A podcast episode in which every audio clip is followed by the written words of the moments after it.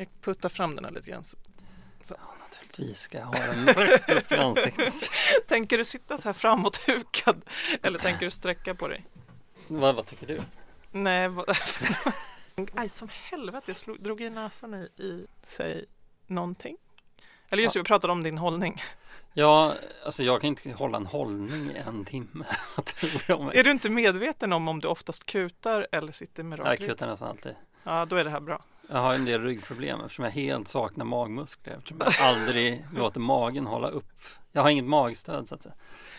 Då har jag ändå släppt ett par singlar. Jag har lyckats sjunga utan magstöd. Jag kanske är den sista år. personen i Sverige som inte vet att du sjunger. Och spelar Ja men det var gitarr. länge sedan. I vilket band? Jag bytte namn och slutade. Delitisk och helvete nu kommer Jenny bli skitarg. Kolla jag blev, jag blev så, ja ja hon kan säkert ordna det här igen. Okej, ska vi prata om det vi ska prata om? Eh, ja, nu blir du tvungen att klippa bort det här för nu fick du min kaffesvälj i micken. Kaffesvälj är ganska lugnt, det är inte så irriterande. Mm, Vad är irriterande då? är väldigt vassa S. Min röst, skulle jag tro. Jaså, vad, hur tror du att den låter? Eh, jag har ju emellanåt gjort misstaget att lyssna på mig själv när jag varit med i radio eller eh, poddar. Mm. Eh, att jag sitter här nu är ett tecken på att jag inte har lyssnat på mig själv på väldigt länge. För nu har jag glömt bort hur vidrig min röst är och hur tråkig jag låter. Det är framförallt det, det kanske inte så mycket att min röst är vidrig men att jag är i realtid, jag är inte byggd för realtid. Jag är väldigt eh, min sambo brukar säga det till mig om hon har hört mig när jag varit med i någon podd eller någonting. Så, men gud, du måste sluta ställa upp på sånt här. Du är inte gjord för det där. Gör det du är bra på istället. Att inte höras i realtid. Synes men inte ja, men hon är väldigt rak på ett befriande sätt. Jag har ju en väldigt tråkig röst. Så Den gnäll. låter lite gnällig nu när du Mm. säger det. När du, när du blev självmedveten om det så var det Nu som att jag växte jag. detekterade ett Nu växte jag, så här, Sonja. Jag kommer ju själv från Västmanland så jag, jag lyssnar ju skarpt efter det. Men annars, den är inte obehaglig. Du har ingen gäll röst, vilket ju är det absolut värsta att lyssna på. Ja, men du har ju en tysk skärpa någonstans långt bak i melodin. Ja, Jag har en jättebra röst. Mm. Det finns inte ens ett tvivel om. Vad Jag har jobbat för Sveriges Radio. Det här kan vi... det här det enda fast... Nej, men nu när vi talar om din röst och din, din ångest för det här så är det ju liksom... Ja, den är lite, lite gnällig, lite långsam kanske. Ja. Ja, men det, det, det är bra att vi kan vara raka i kommunikationen. Här. Mm. Ja, men det har ett litet... Det har jag faktiskt inte tänkt på, men nu, nu gjorde jag det. Jag är ju uppväxt i Norrköping Mm. och sen kanske jag liksom har skakat av med den här östgötskan. Men eh, det finns ju någonting, östgötskan är ju mer en mentalitet än en dialekt. Det, det hör man ofta på komiker som försöker härma östgötska. Det blir aldrig roligt om de inte är östgötar. För att de tror att östgötska är en dialekt. Att det räcker att prata så här. Mm. Och, men det blir aldrig roligt för att mm, det man måste förstå om östgötskan att det är den, den inbyggda ängslan som finns i östgötskan. Att det är Mm. ofta att allt man säger är en fråga på något sätt. Ehm, eller att man, att man tvivlar så mycket på det man säger att man måste bekräfta det så fort man har sagt det. Eh, om man lyssnar på en östgöte så har man ofta det här eh, Jag har köpt en ny bil har jag. Och då är det där har jag, Har jag. att de måste bekräfta det de just har sagt för att de redan börjar tvivla på det. Hon är fin hon. Men jag tror Att den här dialekten har Mm. runnit av mig lite men det här, denna ängslan detta krypande, äckliga, tvekande, det finns kvar där inne i melodin. Jag har i alla fall inte reagerat på att din röst skulle vara särskilt obehaglig eller något. Men nu när vi analyserar den så visst, det finns ett gnäll, men det är ju ingen fara. Vänta Som- bara tills du lyssnar på det här sen. Mm, nej, för Du mig, var ju lurad på dig. Mm, Du hör jag, jag mig hör nu. ju exakt, det här är ingen fara. Gäll röst står jag inte ut med. Alltså då hade du fått gå. Har du haft någon här inne som du inte stod ut med? inte- Men jag Vad ska du säga? lyssnar ju. Ja, precis. Nej, ehm, nej, men jag bjuder inte in någon med gällröst. Okej, ska vi försöka prata om det vi ska göra? Det här var ju för sig kul, men, eh, men nu, nu går Det var ju också det. kommunikation. Det är väl en podd om kommunikation? Mm, jo, det är det. Men det här är hemskt podd-Sverige. Om man missförstått med ljudproduktion att man ändå kräver stringens för att det ska bli bra. Den här jävla kulturen av att det liksom ska tjafsas och pratas igång innan man kommer till saken. Jag hatar det. Jag kan inte lyssna på det är väl väldigt poddar. vanligt nu att poddar börjar innan själva jingeln går så är det ett litet löst Ja. prat om något som ska sätta tonen. Yes, och nu lurade att man ska du in känna mig att man eavesdroppar Ja. in i någonting. Jag har aldrig gjort det i podden förut, men nu Nu har du massa material till en sån. Ja, så att, eh, kanske Till de där 10-15 sekunderna bara. Ja, min, min gudstro säger egentligen att klippa bort allt det här. Men, men jag kanske ska testa med det här förhatliga försnacket. Okej, Okej, jag provar det. Men nu gör jag ändå ett intro fast det blir onaturligt. Ja, men gör det. Mm. Vi spelar jingeln nu då. Nej, jo, okej, först, först jingel, sen intro. Precis. Gud vad konstigt. Och pappersprassel. Fy fan vad konstigt det blir att göra det här. Men jag, jag gör det ändå bara för att liksom Ja, men jag, eh, jag, jag gillar ju om det finns ramar och eh, stringens. Jag har ju tänkt på det här. Mm, bra. Eh, jag drar introt så kanske det är introt som får klippas. Eller det här. Det där gifteriet som jag talar så mycket om. Hördu, det tror jag vi tar och skiter i. Finns överhuvudtaget ordet budgetansvar på ett språk? Du lyssnar på Dålig mottagning med Sonja Schwarzenberg. Att tvingas in i den mellanmänskliga kommunikationen med andra föräldrar som man inte har valt själv eller ens jobba med men ändå behöver förhålla sig till eftersom man råkar ha barn i samma ålder och geografiska närhet. Det är ju rätt prekärt. Barn luckrar upp våra fint dragna gränser för det vi vill dela med andra vuxna och det som känns som vi helst skulle låta bli. Det här är relativt nytt för mig. Jag har en liten son på ett och ett halvt år. Men du har haft lite mer tid av att njuta av det här läget, André Valdén. Sa jag ditt efternamn fel nu? Ja. Andre Walden, för det är ingen apostrof på et. Ska vi ta om alltihop? Nej, det ska vi inte. Det här däremot, det här fungerar för radio. Författare och kolumnist, välkommen. Tack. Men eh, hur var det för dig när portarna rämnade till eh, kommunikation med andra föräldrar? Ja, jag fick ganska ofta påminna mig själv om att de är lika rädda för mig som jag är för dem. Nu är det ju, det är inte som att umgås med ormar, så att säga. Fast jo, lite kände du så, eller? Ja, det är första gången sedan grundskolan egentligen som, som man eh, ska kommunicera med människor som man inte delar någonting med.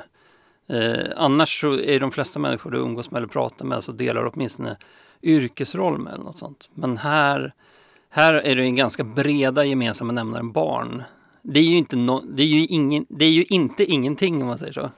Eh, det är, fast det är lite som att man referensram, referensramen armar. Så att säga. Eh, Vadå referens? ja, men de flesta har ju barn Ah, okej. och de flesta har armar. Men det är väldigt få samtal som börjar med oh, jag ser att du har en arm. Två! Låt oss prata om det. Men eh, riktigt så svagt är det inte som socialt smörjmedel. Men det Nej. är, ändå, det är ändå en ny värld som öppnar sig. Ja, berätta för mig. Jag har ju bara haft ett litet smakprov av det här när, när Valdemar var så liten som man går på det som kallas för föräldragrupper eller som tidigare var mammagrupper. Eh, det var inte bara behagligt. Nu ska jag verkligen passa mina ord här lite grann. Men då kände jag nog i och för sig också att det nog nästan var värre för dem. Jag, jag hade känslan av att jag var liksom det obehagliga i rummet som jag Ja, utsatte du är andra så för. lättpratad. Det är lite därför jag sitter här, för jag brukar liksom Jag tycker inte att det blir så, det är inte så svårt att prata när jag pratar med dig. Du har, du har lite en energi som får mig att slappna av på något sätt. Oklart varför, men eh, Det är det kristna andra. du har ju jobbat i mediehus. Mm. Eh, och I mediehus finns det ofta en marknadsavdelning. Ja. Och när man stöter på marknadsavdelningen i hissen, det har du varit med om. Mm, jo, okej. Ja. De står där med sina uniformer och rassliga klockor och kanske någon Gucci-väst och pratar om något konstigt språk. Det är ju lite som att möta en, en annan art. Kan jag känna mig, alltså att jag, jag vill bara ut ur den där hissen. Eller jag, jag är rädd att de ska börja prata med mig eller någonting. Mm. Eh, och så måste jag påminna mig själv om att okej, jag tycker att de ser konstiga ut, men de tycker förmodligen att jag ser lika konstig ut. Mm. Eh, lite som ens, som ens mamma sa när man var liten och tyckte kineser så konstigt. De tycker att vi ser konstiga ut.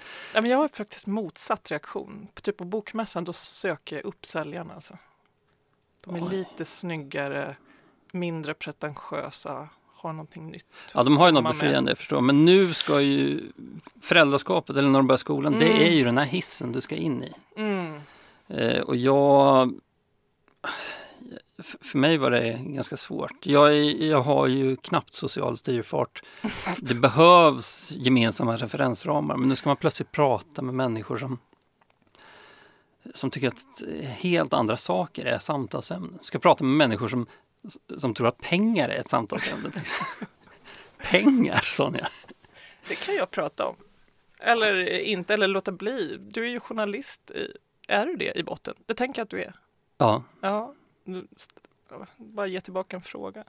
ja, jag har med andra ord inte valt yrkesbana med hänsyn till pengar. Nej, men det kan väl bara... Eh, Men du är väl lajvare? Det är Ja. ännu mindre lukrativt. Jag försörjer mig inte på live. Det är som en hobby. fin, finns folk som gör det faktiskt. Eh, nej men okej, Ja, men alltså, du jag, håller- jag, håller på prata- att svara. Jag tycker så här. För mitt, jag, vi kanske bara är väldigt olika André. För min ångest är ju inte att liksom det ska bli slut på samtalsämnen. Min ångest är att jag ska bli för privat med personer som inte vill ha det. Det blir jättemärkligt. Jaha, för snabbt. Ja, ja, ja, ja. Jag typ så här, någon gjorde misstaget och tog upp så här, hur var förlossningen?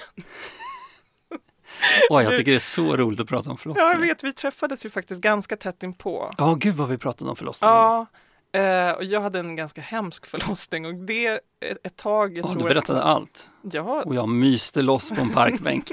precis. Men och det gjorde, eftersom jag tänkte nu är vi ett safe space med andra mammor, nu ska vi fråga liksom hur det var. Och på den tiden, jag kunde alltså inte ens se en så här Hollywood-förlossning utan att börja gråta i tre timmar och så här hulkgråta. Så att självklart hände det här inom den mammagruppen och jag tänkte så här, ja, ja, det är klart vi kommer gråta, vi är ju alla liksom har en bebis hemma, ingen sover, alla är jättesköra. Men jag var tyvärr ensam i det, så det blev, det blev jättekonstigt. Och så kom jag som en räddande ängel och bara berätta Sonja. Det var väldigt fint, jag tyckte att det var ett... eh, Ge mig blodet och sprickorna alltihop. Absolut, absolut. Det var, det var ett, ett trevligt samtal. Det tyckte inte jag var så konstigt. Men det är det jag oroar mig med andra föräldrar. Men vad, vad är din, liksom, är det bara... Men det är ju närmsta, alltså det är ju som krigshistoria. Det är närmsta vi kommer slagfälten idag Mm. i den här delen av världen. Så är det ju Absolut. förlossningarna. Verkligen. Jag tycker det är... um, Ja, första sonen, då hade vi också en, en dramatisk förlossning. Lång Ja. förlossning, 36 timmar eller något sånt. Mm, gött. Och eh, han andades inte när han kom ut. Och, ja, nu ska jag inte dra den förlossningshistorien nu, men, men eh, jag, jag tycker om att prata om förlossningar. Ja, det är klart, det är en viktig sak.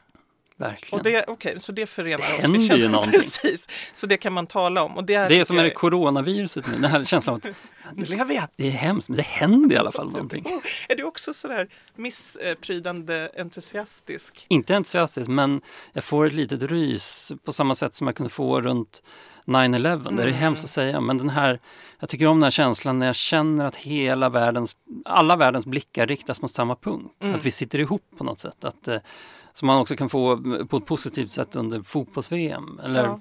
Ja, men men även i mörkret. Jag Ja. kommer ihåg eh, en av de starkaste minnena från uppväxten var de här listorna med namn som rullade i tv efter Estonia-katastrofen. Mm, Och en ohyggligt obehaglig känsla. Att Ja. gå ut och alla bara gick och slokade överallt. mm. Men det fanns också något starkt i det där att få känna att, att vi sitter Det ihop på något sätt. Det, men eh, nu kommer vi lite off topic. Men det, jo, du ska träffa nya människor. Ja, vad kan hända? Vad, vad är det jag är liksom... Vad är det för potentiella situationer som, eh, som jag bör förbereda mig för?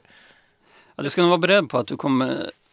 Man har ju alltid barnen som fallback. Jag ångrar lite den jämförelsen med armar för att barn är ju ett brett och bra samtalsämne. Och eh, framförallt sen eh, när ert förhållande börjar gå på tomgång om några år eh, och ni inte har någonting kvar att prata om så har ni i alla fall barnen. Och så går man ut och käkar, man kanske har barnvakt och så tänker man nu ska vi inte prata om barnen. Och sen efter någon minut eller två så börjar man ändå prata om barnen Mm. och känner den här befrielsen att man ändå har barnen. Eh, det tycker Det jag är här är väldigt för sig ett skönt. jättespännande kommunikationsämne som jag också gärna...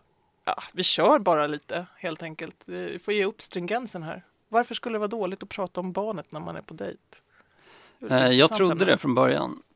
Men nu har jag släppt det helt. Mm. Eh, Varför trodde du att det skulle vara dåligt? Ja, men jag trodde att det var eh, uppgivet på något sätt. Mm, Vi är inget annat än Mm. föräldrar nu. Ja. Vi har det här företaget ihop. Mm. Men eh, det är onödigt, onödigt att gå och jaga upp så här. Istället omfamna det. Mm. Det fin- finns något fint med det. Och, och ehm, så kom jag ihåg, en- eh, nej jag ska inte gå in på det nu, men Jag tycker det är fint att liksom bekräfta att man är bra på det. man kan prata om tv-serier också.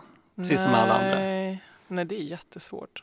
Det, vad får man ut av det? Känslan om de talar om sitt barn, det är väl att det, det ska sluta i en självbelåten Fasen, vi hatar inte varandra just nu och vi har lyckats ändå fostra ett barn som har överlevt.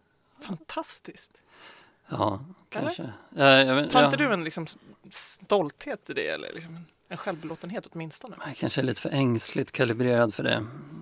Jag är ganska rädd att det här kommer du nog upptäcka vart efter men eh, föräldraskapet är ganska tätt eh, kopplat till en, en ständig ringande ängslan om att du har misslyckats med att uppfostra ditt barn. Mm. Det här känner de flesta, har jag förstått. Jag med, men just de där samtalen på restaurangen Men är du väl har till för nästan att inget säga. uppfostra än. Han har precis börjat förstå vad du säger. Ängslan började tidigt, Ja. tro mig. Men det jag tänker att man gör på restaurangen, det är väl att ta hand om den rädslan och ängslan som finns. Och så kommer man fram till ett, så här, ett handskak i slutet som är så här, wow, vi gör väl det ändå tillräckligt bra, åh vad bra, vad skönt. Det, och då får man en sorts känsla av samhörighet. Då. Ja, det finns där. Jag tänker i alla fall att det är därför det känns bra, därför man kan göra det. Men okej, tillbaka till det här lite skrämmande. För jag, är, jag, jag låtsas ju nu att det, att det inte här bekymrar mig alls, men det gör det ju lite. Att, att liksom det här med att kanske vara klassförälder eller... Okej, om vi börjar på förskolan. Valdemar har precis börjat på förskolan. Ehm, förväntas jag liksom säga någonting om jag ser en annan förälder? Det beror på vad den andra föräldern gör. Om du ser en annan förälder slå sitt barn så förväntas man säga Okej, ta en lite mer Jaha, du normal menar om du ska eh, hälsa eller inte? Mm. Eh, jag tycker det.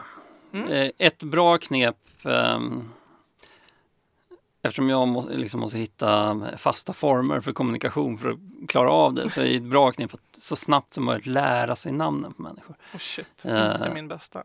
Lär dig namnet på barnen. Det är mysigt med föräldrar som kommer in. Hej Leopold, hej Nina.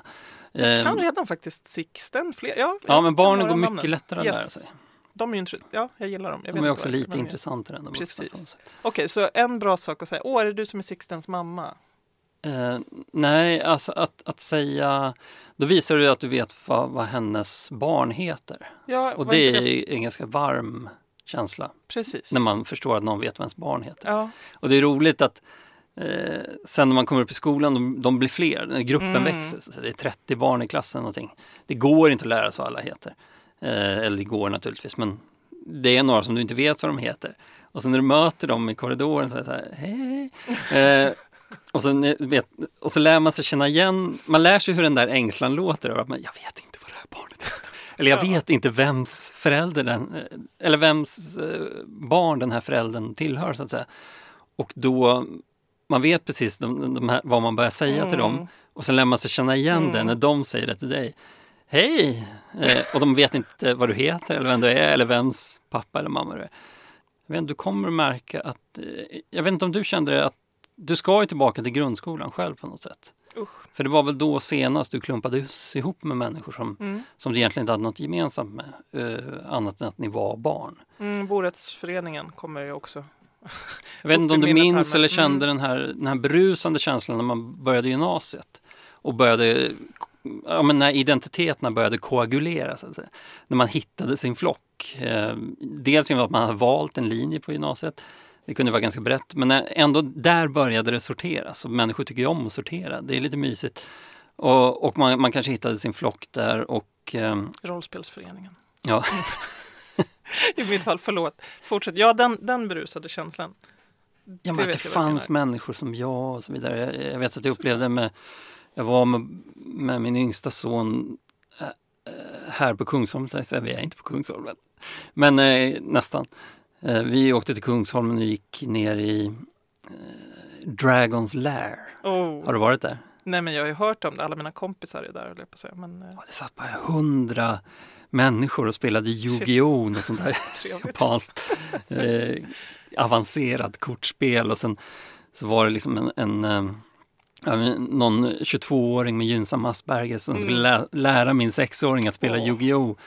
Och, eh, och han höll på outtröttligt i en timme. Mm. Eh, och, och då kände jag, ja men det var ju eh, ja, det, det var ju ett litet stickspår. Men eh, nu ska du i alla fall tillbaka till grundskolan. Hmm. Och känna liksom ensamheten, eller att, att jag inte har flocken. Nej men Okej. otryggheten i Mm. att, att det inte är sorterat längre plötsligt. Men okej, hur, hur, när, vilka situationer kan bli jobbigare att ha? Jag har tänkt, alltså jag klarar nog ett så här, hej, hej då. jag kanske kommer prata lite för intimt med någon stackare, men då kan ju de alltid gå. Jag är väl riktigt rädd när det ska typ fattas beslut av vuxna i grupp. Typ, eh, jag vet inte vad som kan komma, men eh, på min tid hette det klassföräldermöten eller klassmöten. Där man liksom i grupp måste ta beslut. Ja, alltså det, jag, jag vet inte om jag varit klassförälder, jag tror det. Eller, ens på någonting var jag. var i alla fall klassens representant i föräldrarådet under en termin. Okej, berätta. Eh, ja, det är egentligen bara att man går till ett rum och så lyssnar man på rektorn i någon halvtimme, timme när hon informerar om olika saker och sen är det Sen är det lite frågor det brukar bara mest mynna ut i en diskussion om mobiler. Ska barnen få ha mobil eller inte i skolan? Ska de det? Alla föräldraråd eller föräldramöten slutar där. Okej, och hur brukar det bli? Ska de få ha det eller inte? Så jag vet nu. Jag... Nej, det, det, det, det, utkristalliseras aldrig. Okej. Alla vill bara vädra sin åsikt Åh, kring det här. Så att eh, frågan om, om föräldrar, eller om barnen ska få ha mobil eller inte i skolan, det är... Det, det här kommer det handla om.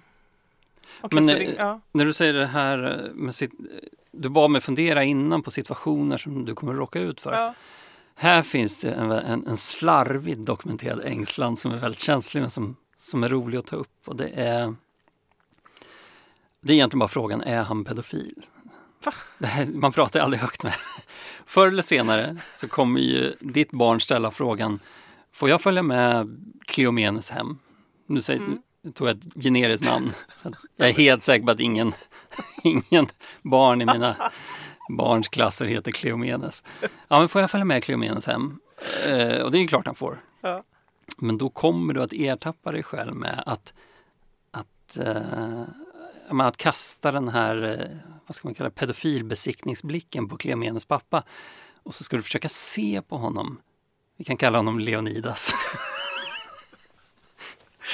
Vi plockar gamla spartanska namn här. Spartanerna var ändå, ja, det är det mest, avlägset. Ja men det är också det mest pedofiliga samhället i mänsklighetens historia. Ett annat samtal sen. De, hade, ju- ja, ja, de låg med sina barn hela tiden. Eh, men, ehm, Okej, hur ser jo, men då kommer du titta på Leonidas och sen ska du försöka se på honom. Eh, och det här måste man göra under lugg så att säga. Man kan ju aldrig fråga någon annan förälder, är du pedofil? Och så försöker man titta på dem och se eh, lite snabbt då. Mm. Har han, för det är alltid en han, det är ju männen man misstänker på något sätt. Har han en pedofilaura? Och, och det här är så konstigt för att man föreställer sig då att en pedofil ser ut på ett särskilt sätt. Hur ser en pedofil ut Sonja? Eh, men det här vet jag eftersom Monty Python tror jag gjorde sådana sketcher. Att jag kanske tänker på en blottare men den jag tänker på har ju alltid, eh, vet du, vad heter det, trenchcoat i beige och Mm. runda glasögon. Ja, så ser inga föräldrar ut. Då är det helt lugnt. Jag tänker mig att de är... Eh, det går ju inte att se på en pedofil. Man har ju en inre bild i alla fall. Jag tänker att en pedofil är... Man tänker, de svettas lite mer än andra. Är blanka i pannan. Ja, du menar hela psykopat... ehm, Men hur ser en sån människa ut? Är de blanka i pannan? Jag tänker att de också är lite degiga i köttet på något sätt. Jag ser Philip Seymour Hoffman i sina svettigaste stunder tänkte framför men mig. ser inte jag ut så? Jag är ju tjej, Philip Seymour. Hoffman? Ja, eller nej, är men när du börjar säga dig, lite mjuk i, i, köttet och lite svettig och blank så här, det kan jag känna. Ja, men mjuk är du ju inte. Jo, Du är ju lång och utkavlad. och trevligt. Ja, okej, skönt. Konstig komplimang. Nej, jag tyckte den var ganska fin. Ja. Det, hellre, hellre det. Okej. Du har bra hållning, pedofiler har inte bra Sant. hållning. Mm. Sant. Det kommer alltid. Pedofiler är ju tyngda av, de går ju under oket av sina drifter och skam. Lite som din Eh. hållning då. Menar du? Kul. Ja, ja. ja jag kanske måste sträcka på mig. Men jag tänker då att eh, eh, man, man lurar sig själv att det går att se på någon om de är, om de är pedofil. Och jag tänker den här Philip Seymour Hoffman-bilden. Det jag ser framför mig är egentligen Philip Seymour Hoffman i filmen Happiness från 90-talet. Tidigt 90-tal tror jag det var. Ja. Men eh, sen kom jag på att det är ju inte Philip Seymour Hoffman som är pedofilen i den där filmen. Det är ju den där, den där mysiga, sympatiska förortspappan med kostymen. Vad är det han säger när han sitter på sängkanten med sitt barn? När barnet säger, eh, skulle du någonsin göra något mot mig? Och då svarar han, No, I would jerk off instead. Nej, vad- åh. Ja, det är, Nu känner jag att det blev lite hemskt på riktigt. ja, det är en fruktansvärd scen. plötsligt. Ehm, jag... Jag vill låt det inte bli hemskt på riktigt, för det här är ändå lite roligt att Nej, prata om. precis, det var, det var tanken att det skulle det vara underhållande, antar jag. Ja, men det är Ja. naturligtvis en helt lönlös en lönlös kamp att försöka se på andra föräldrar. Man, Såklart. man kanske försöker se andra oroväckande drag också men det, du ser ju ingenting. Man vet att, att eh, det är ganska få, det är förmodligen ganska få föräldrar som är Som är det- pedofiler. Ja, jag tänkte att det här är som vithajar, att det är så lite att jag inte Så kommer litet oroa är det mig. inte. Är det så? Jag har Mm. tänkt så här, men vi lever inte i ett katolskt land, även om jag är lite Ja, kristen. mina barn går ju på en så- skola med, med tusen barn. Det är klart Okej. att det finns några föräldrar där som är pedofiler. Vadå, ett par på tusen? Är det verkligen så utbrett? Jag vet inte. Jag, jag vet att Mm, jag jag kollade tror upp det här någon gång. Mm. Eh, I samma veva som jag funderade på att sy in GPS-sändare i mina barns täckjackor. Men I, en, I en, ett ögonblick av rimlighet och... eh, ja. Men så kommer ju också ögonblicket när, när andra föräldrar då frågar dig. Nu kanske det här kommer då inte liksom oroa dig på samma sätt som kvinna. Men, men som man så får man ändå fråga så här. Eh, kan Cleomenes följa med mig hem och leka? Och då vet man ju att de andra föräldrarna slänger en snabb blick på dig och försöker se, är, är du, har han något pedofilskt över sig? Och så står man där och försöker tindra av sexuell sundhet på något sätt. Vad gör du? Kommer du? Gör du något? Eh, ja, vad, hur gör du då när du känner dig självmedveten om i en sån situation? Ja, men när barnet följer med hem så, så ibland så är det liksom, särskilt då i förskolan, så är det ju Ja. ungar som, som inte vill gå på toaletten själv kanske. Kan du följa med mig på toaletten? Nej, nej, nej, nej. Nej. för då vet man så här, när, när de har hämtat så kanske de frågar så här, gick du på toa? Ja. Eh, hans pappa följde med mig på toaletten. Och sen finns det ju barn som inte kan torka sig också. Ja. Mina till exempel. Jätteodugliga. Men, och, och då säger de så här. Eh, kan, jag är färdig, kan du torka Ja. mig? Nej, nej, nej, nej. Ja, och, och, så, ibland måste man ju göra ja, det. det är klart. Och då försöker man göra det på ett så, så ointimt sätt som möjligt. Man, snabbt och hårt bara. Så att de nästan trillar av toalettstolen. Det får inte finnas någon ömhet där. Man är så rädd för att de ska få några frågor sen och sen ska det liksom komma fram något som får dem att börja tänka Ja. något konstigt. Ja. Och barn säger så mycket konstiga Mm. saker. Ibland säger eh, barn saker som man tänker, åh gud, tänk om man säger det här inför andra föräldrar. Förstår de inte hur det låter? Det är klart de inte förstår. Ehm, ja, ja. Ja, men det där kan jag känna mer oro för. Jag är mycket mer självupptagen än vad jag är rädd för, för faktiska hot utifrån. Så jag när en mycket större ångest för att verka som en psykopat. Alltså i, barnens ögon. Att du ska verka som Ja, att andra psykopat. föräldrar tänker så här, åh herregud, de där galningarna. Mm. Fast du är ju så sympatisk. Du har ju för sig lite auran av någon som skulle kunna som skulle kunna smiska någon annan. Lite. För den där hårdheten med Det var en liten, en liten lavett bara. Alltså jag kände igen när du sa så här, torka, när jag jobbade på en förskola som tonåring så tror jag att ett barn sa Sonja, varför torkar du med munnen så hårt? jag För att jag det var är lite tysk. äckligt. Ja, för att jag är tysk. Min mamma torkade mig om munnen så att det sved. Nu får du lida detta. Ja, Ja, absolut. Så det är väl sant. Ja jag vet inte, jag, jag tycker det var spännande att ta upp för jag vet inte om jag har hört någon annan prata om den här oron. Men när man pratar med, med sina vänner om det så känner ju De alla igen det. Och just också det här lönlösa, att man, att man inbillar sig att man ska kunna se på människor om det är något fel på dem. Mm. Men Fast man, man har läst en massa läskiga kvällstidningsartiklar där, där någon granne uttalar sig och säger han var, han var som vem som helst. Mm. Nej, hela skolan är full med människor som ser ut som vem som helst. Det är deras vanligaste drag. Fruktansvärt. Alltså jag tänk, jag, sist jag hade den där typen av dystopiska tankar, det var nog massmördare. Jag, jag kollade på alla filmatiseringar och dokumentärer jag kunde och de kändes ju alla lite excentriska. Ja, seriemördare menar du? Eh, Ja, vad sa jag för någonting? Ja, det är någonting annat. Vad är det killigaste jag har gjort här idag? Att be, om, be oss vara tydliga om skiljelinjen mellan massmördare och seriemördare. Det är, en, det är ju faktiskt en skillnad. Jag Mm. menar inte Pol Pot. jag menar typ eh, han som var med i The Jinx. Ett, ett tag, jag, jag blev riktigt galen och så var jag tvungen att börja kolla vilka som faktiskt I killed them all. Ja, så, oh, bra.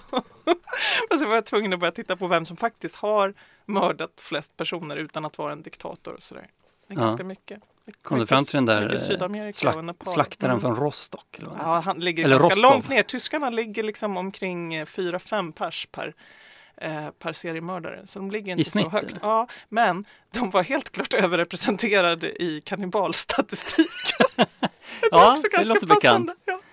Men de är väl också, jag tänker, eh, när jag intresserade mig för massmördare under, eller seriemördare Mm. under en period så när jag hade The Encyclopedia of Serial Killers hemma, kommer jag ihåg, jag läste. Um, jag för mig att ryssarna var värst. För att det också var, det kom fram när muren föll och sånt Mm. där. ehm, Det kom fram att de hade dolt så mycket.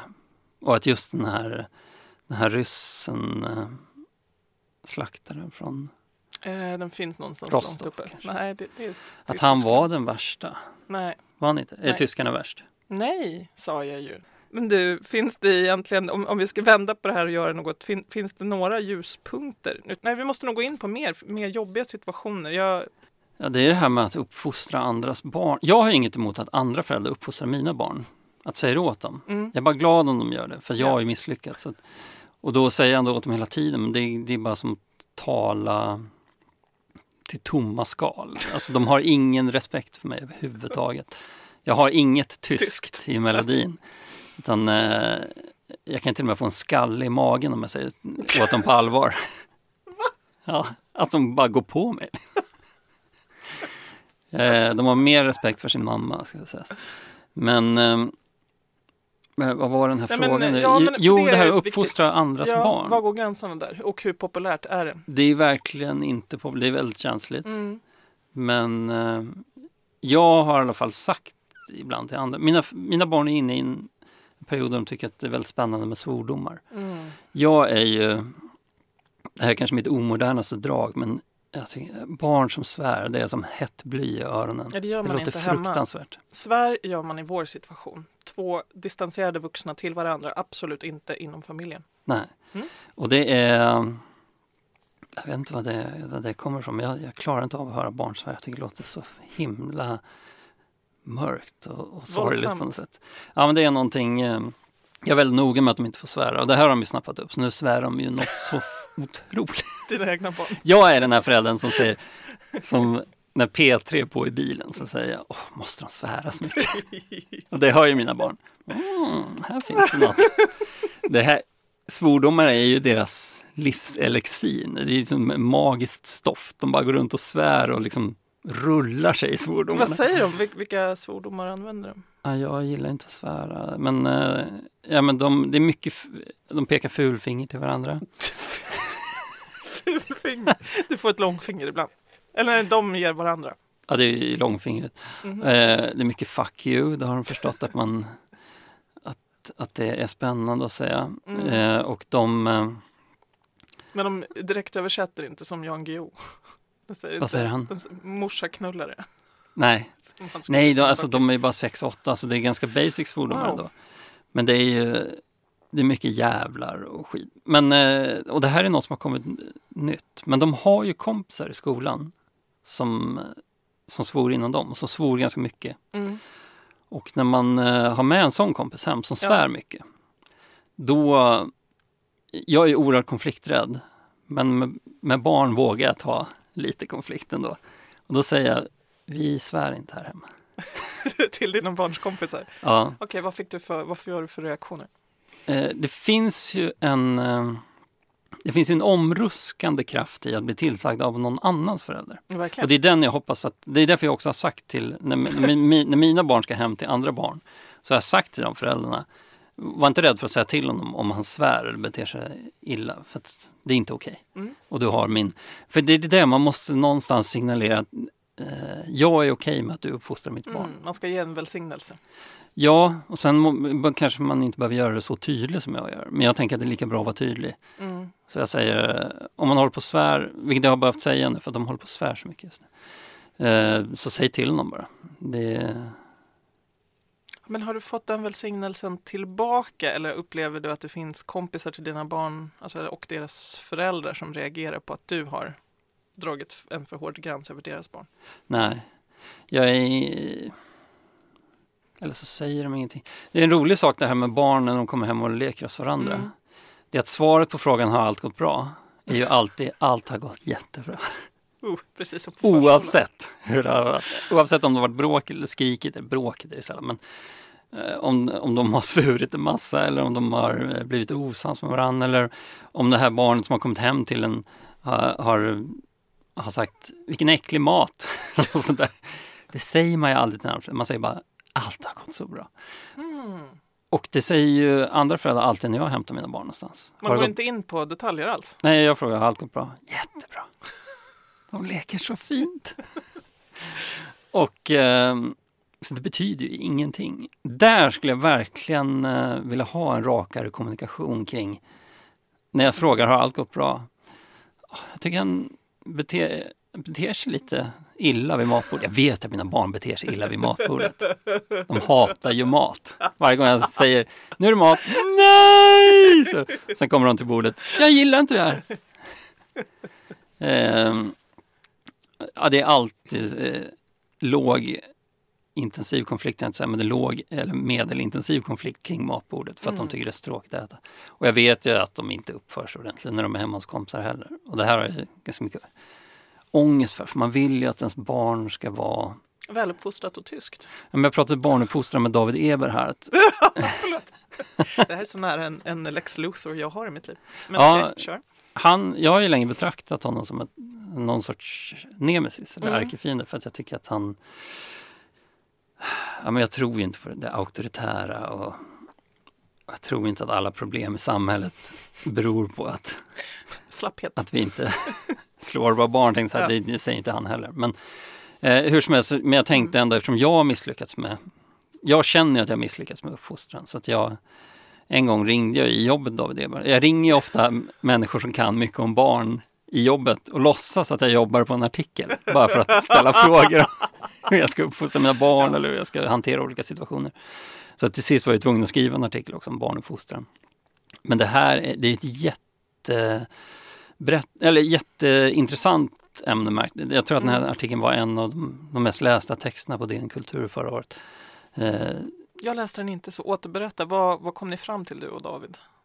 Ja, men David var en av dem jag pratade med. Men jag Ja. tänkte jag ska gå till den andra änden av spektrat på något Ja. sätt och fråga, har du något tips?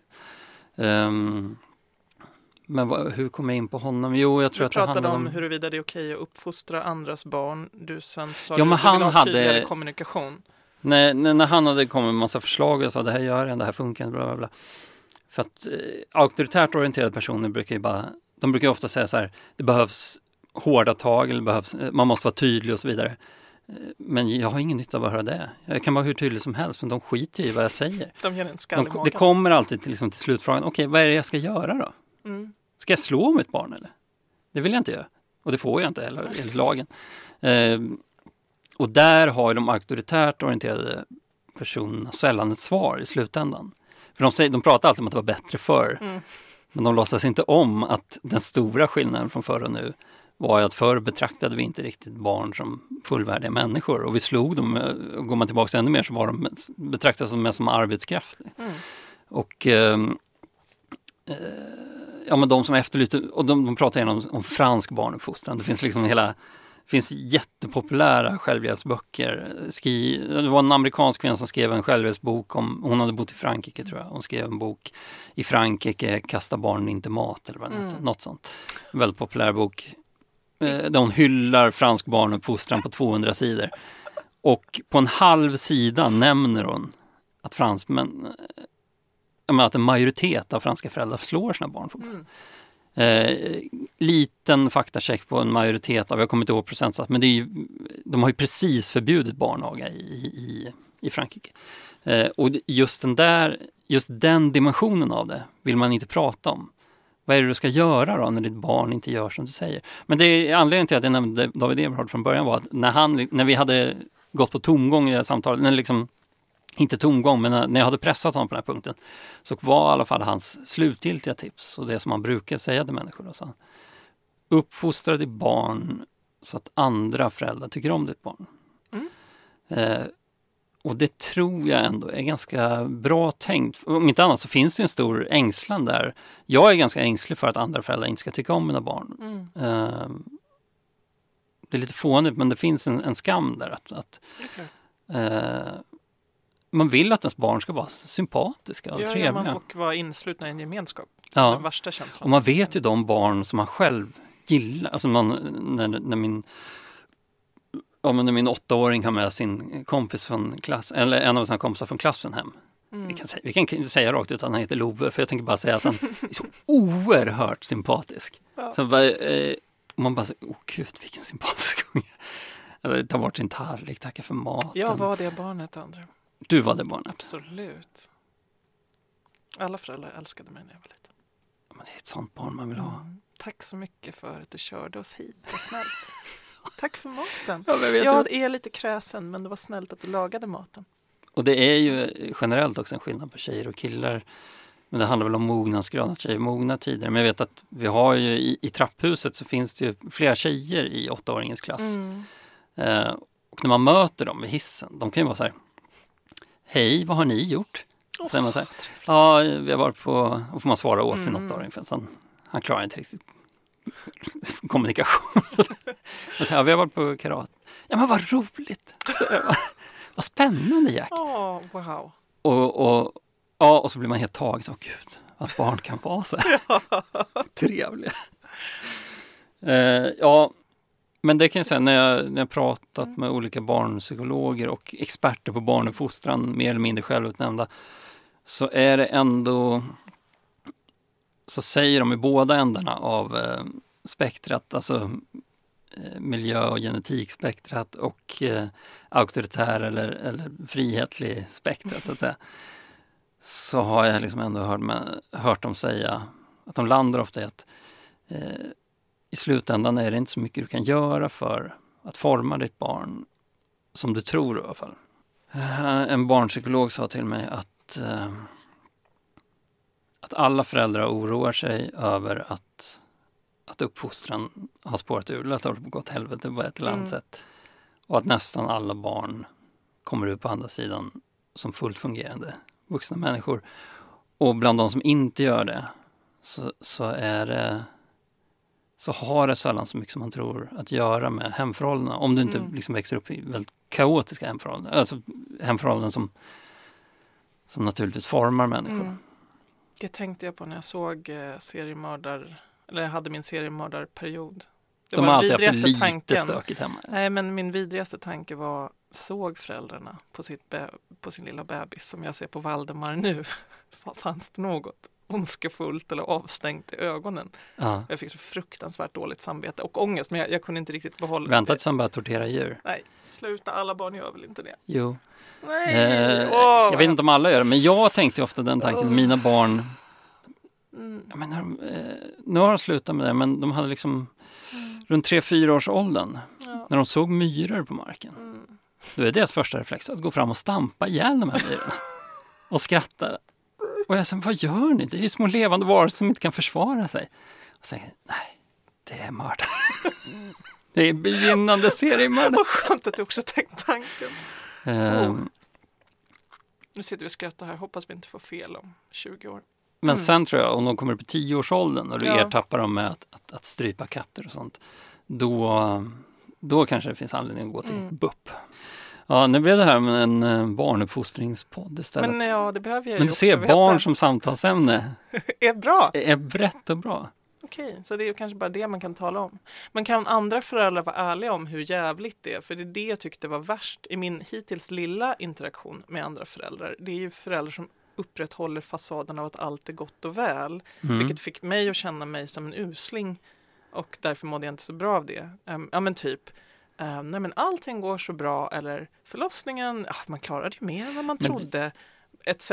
Alltså att det bara fortsätter så. Eller han äter så bra, du kan väl eh, bara, när jag pratade om att jag var så glad att det fanns burkmat, så sa någon check förälder, det är så enkelt att göra ett eget mos. Då blev jag så, Då hängde örfilen i luften. ja, in, inom mig förstås. Ja, Ty, tyvärr, jag borde, sagt, eh, jag borde ha skrikit rakt ut som jag gjorde när jag hade min första dag på jobbet. Men det jag här är förbi ju... lekplatsen och sa jag, ni måste börja jobba, det är underbart, jag är så glad. Och då tog en mamma sitt barn och backade. Usch vad hemskt sagt. Sa hon det, så du hörde? Mig. Ja, absolut. Hon tyckte att det var ett oerhört övertramp. Av. Ah. Eh, men, men jag ska väl umgås med människor som dig då, som inte skräder orden över eh, hur besvärligt det är. Det får Ja, mig i alla fall att känna mig väldigt lugn och accepterad och så här. Jag vet inte, jag pratade med, med psykologen Jenny Jägerfeld Mm. Hon häromdagen. var här förra veckan. Jaså, Absolut. vad roligt. Mm.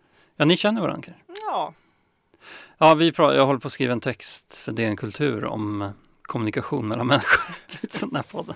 Ja. Eh, men eh, jo, men då pratade hon om, eh, jag är inte så bra på att kommunicera med andra, men då eh, och så pratade vi om lite tips här och så, så pratade hon om vikten av att inte bara berätta om det som går bra för andra människor. Det har aldrig varit någon risk för mig, för jag skulle aldrig berätta om något jag har lyckats med. Jag, är- jag har en mer Woody Allensk självömkande, om än emellanåt lite kokett eh, klagosång. Eh, Men hur som helst, hon pratar om att, att man måste att tala om sina misslyckanden Mm. är någonting som, som får oss att närma oss varandra. Att det är ett viktigt smörjmedel i kommunikation att tala om sina misslyckanden för då, för då känner den andra människan att det här är en människa som jag kan vara hela mig själv med. Exakt. Sen kanske man, man kan inte liksom gå in i sina djupaste trauman med en gång. Men eh, och det tror jag också på. Och de här föräldrarna du nämner som där allt går så bra och de gör, gör, pressar sitt eget mos. Alltså. De, det är ju en sorts LinkedIn-människor som du förmodligen ändå inte kommer bli kompis med, så det spelar ingen roll. Man ska bara ge upp det. Jag kallade en av de här mammorna för Cindy Crawford i hennes frånvaro.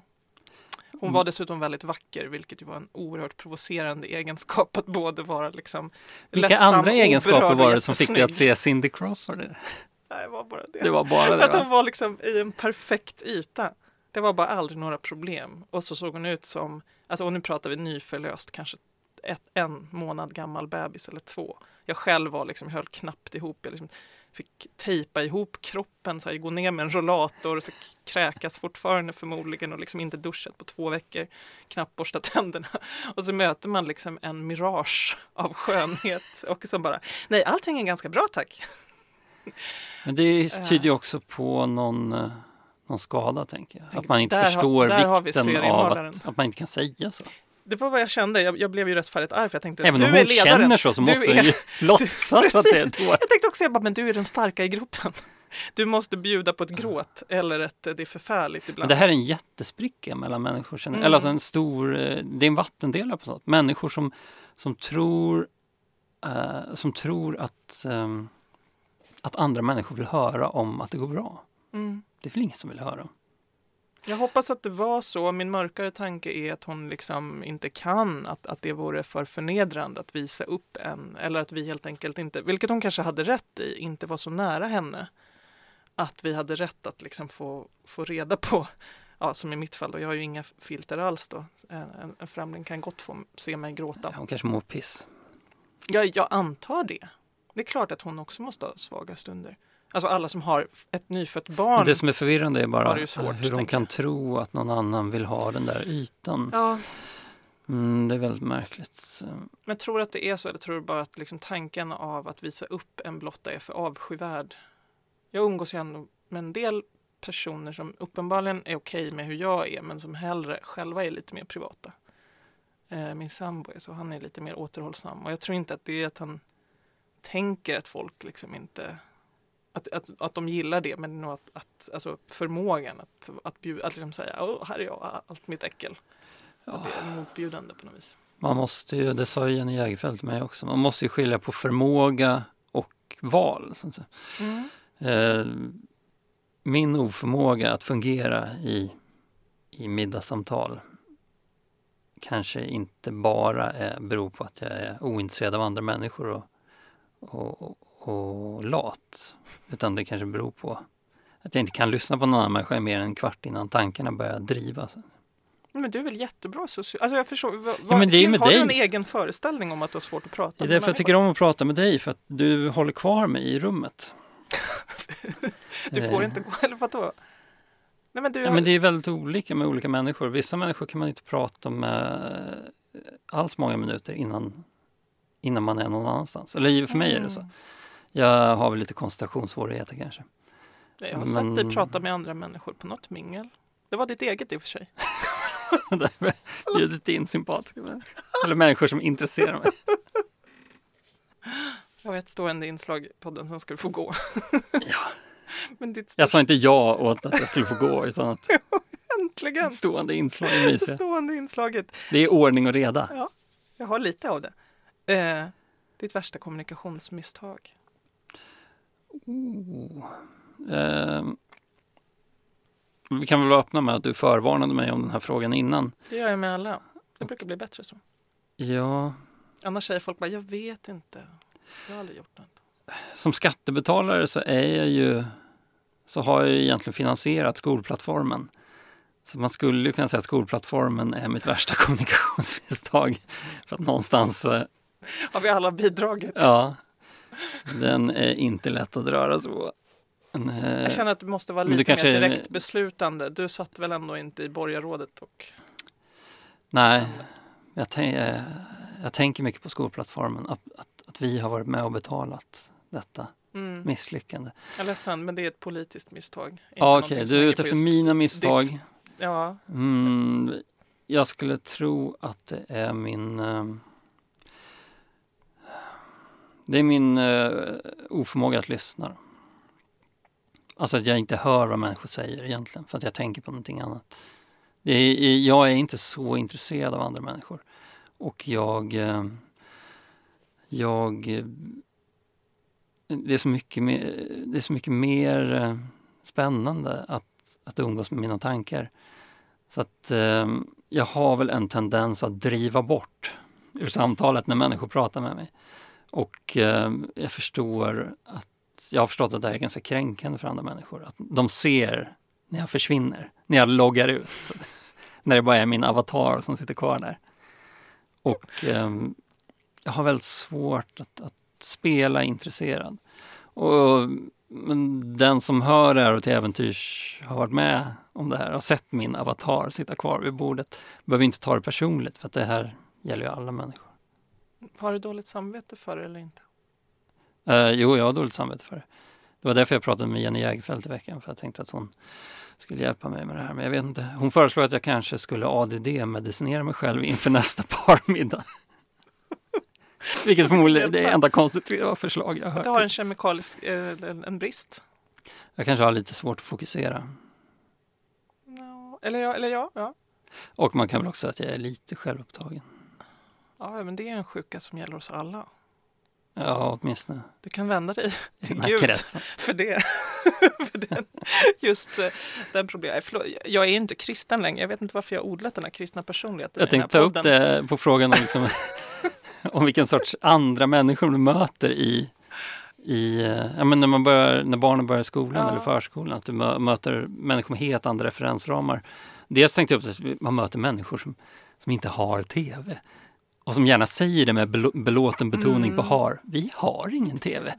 Vad pratar man om med någon som inte har en tv, som inte tittar på det? Ja, i och för sig, det är många idag som inte har en tv, men det är mer bildligt. Jag menar människor som Mm. inte tittar på tv-serier eller filmer. Det, det är ju någonstans den, den här nya eh, senkapitalistiska världens enda liksom, nav att förhålla oss till. Så är det i tvn på något sätt. Gemensamma kultur. Men Ja, men också, jag mött också människor som, alltså första gången i mitt vuxna liv möter människor som, som inte bara tror på Gud utan refererar till Gud i samtal eller Mm. som en referenspunkt, som en myndighet.